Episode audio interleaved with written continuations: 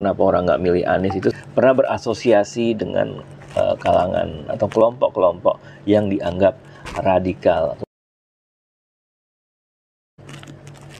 Inilah alasan kenapa orang nggak mau memilih Anies Baswedan sebagai presiden di 2024. Yang pertama, nah ini juga jawaban yang sangat lemah tadi ya. Uh, belum memiliki pengalaman nasional yang cukup ya karena uh, saat ini menjabat sebagai gubernur DKI dan ini aja nggak update ya. Berarti kan nih database-nya mungkin sampai 2021 kali ya uh, chat GPT ya. Jadi dianggapnya Anies masih jadi gubernur DKI padahal udah bukan. Jadi itu kalau jawabannya kaitannya dengan pengalaman itu buat gue uh, harusnya kita langsung mementahkan ya. Karena pengalaman orang uh, bukan menjadi satu preferensi yang cukup kuat ya boleh iya tapi bukan cukup kuat untuk uh, kita menentukan calon kita nah yang kedua kontroversi kebijakan yang diambil beberapa kebijakan Anies Baswedan kontroversial seperti penutupan jalan tol, rencana reklamasi Teluk Jakarta kemarin, juga uh, kemarin Formula E gitu ya. Tapi itu kontroversial menurut orang-orang yang memang berseberangan uh, dengan Anies ya. Uh, dan ini mempengaruhi opini publik ya tentang kemampuannya memimpin negara dan ini yang dijadikan bahan buat para pembenci Anies untuk uh, black campaign-nya agar orang tidak memilih Anies ya. Yang ketiga, masalah etis dan integritas sama dengan Ganjar tadi juga punya masalah etis dan integritas, Anies pun punya ya. Uh, masalah ini muncul selama karirnya sebagai politisi dan sebagai pejabat pemerintah ya. Nggak dijelaskan sih masalahnya apa dan di sini kita bisa mencari-cari informasi ya, coba dicari lagi lah referensinya. Perbedaan ideologi politik. Anies mungkin memiliki pandangan dan keyakinan politik yang berbeda dari sebagian besar orang atau partai politik. Nah, kalau kita lihat pengalaman kemarin kan pendukung Anies dan pendukung Prabowo sama ya, yaitu kalangan 212 dan bisa jadi ini e, menjadi rekam jejak politiknya ya sebagaimana jawaban yang kelima e, rekam jejak e, politiknya yang e, dikaitkan dengan kalangan radikal ya dan apabila Anies berkuasa maka Indonesia akan seperti Suriah ada juga isu-isu orang Yaman nggak boleh jadi presiden gitu. Nah ini nih isu-isu black campaign yang buat gue terlalu berlebihan ya. Bagaimanapun kita nggak bisa ngelihat lo keturunan siapa. Iya udah pasti dia lahirnya di sini gitu.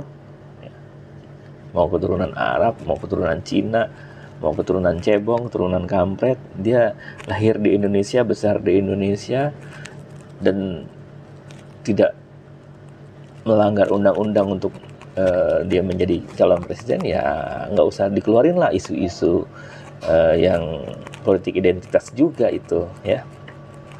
Nggak suka sama Anies nggak apa-apa. Tapi jangan ngejelek-jelekin uh, dia agar orang lain nggak memilih dia ya. Nggak suka sama Ganjar juga nggak apa-apa, nggak suka sama Prabowo juga nggak apa-apa. Tapi jangan mempengaruhi orang dengan memfitnah tokoh-tokoh politik yang nyapres, ya berpolitiknya dengan lebih waras lah ya. Oke, itu rekam jejaknya juga kurang memuaskan. Perbedaan ideologi politik, lalu kurangnya kemampuan untuk memimpin negara ya ini juga sama ya masalah pengalaman itu kita bisa abaikan sama seperti Ganjar dan Prabowo juga dianggap kurang pengalaman ya bukan di situ isunya belum cukup dikenal secara nasional. Hmm, kayaknya nggak juga ya. Semua sekarang orang secara nasional udah cukup kenal Anies. Pengelolaan keuangan. Anies pernah dihadapkan pada beberapa masalah pengelolaan keuangan saat menjabat sebagai Menteri Pendidikan dan Kebudayaan. Wah ini udah cukup luma, lah, lumayan lama ini di zaman Jokowi dan ini perlu di uh, telisik nih dicari lagi eh, informasi-informasi pada saat dia menjadi uh, menteri kenapa dia dipecat? Ya itu perlu dicari uh, ya. Uh, ya masih jawabannya yang sama ya. Ya rata-rata jawabannya hampir seragam ya.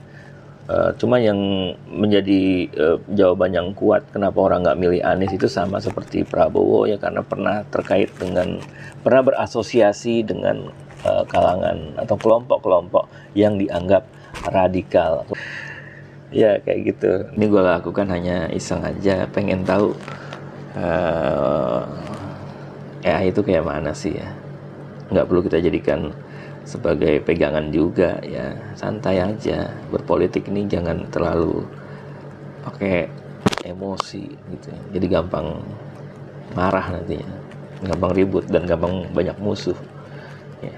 belajar dari politikus-politikus kita mereka hanya uh, di mulut aja itu berantem sesama tokoh-tokoh politik yang kelihatannya itu mereka ribut.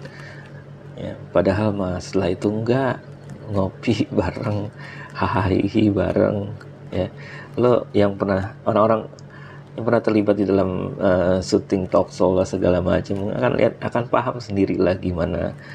Ya setelah syuting ya mereka ngumpul lagi bareng lagi. Itu hanya untuk bagaimana memuaskan emosi rakyat aja memuaskan emosi publik emosi pendukung agar tetap masing-masing terjaga loyalitasnya dan fanatismenya terhadap tokoh maupun partai politik gitu. Jadi nggak benar-benar berantem. Nah lu sebagai rakyat jelata ngapain beneran-beneran berantem, beneran musuhan ya. Belajar tuh dari politik lu ya. Mereka tuh jangankan baik-baiknya ya. Jangankan berbuat baik, berantemnya aja bohongan, berantemnya aja pura-pura. Ya, apalagi kebaikannya.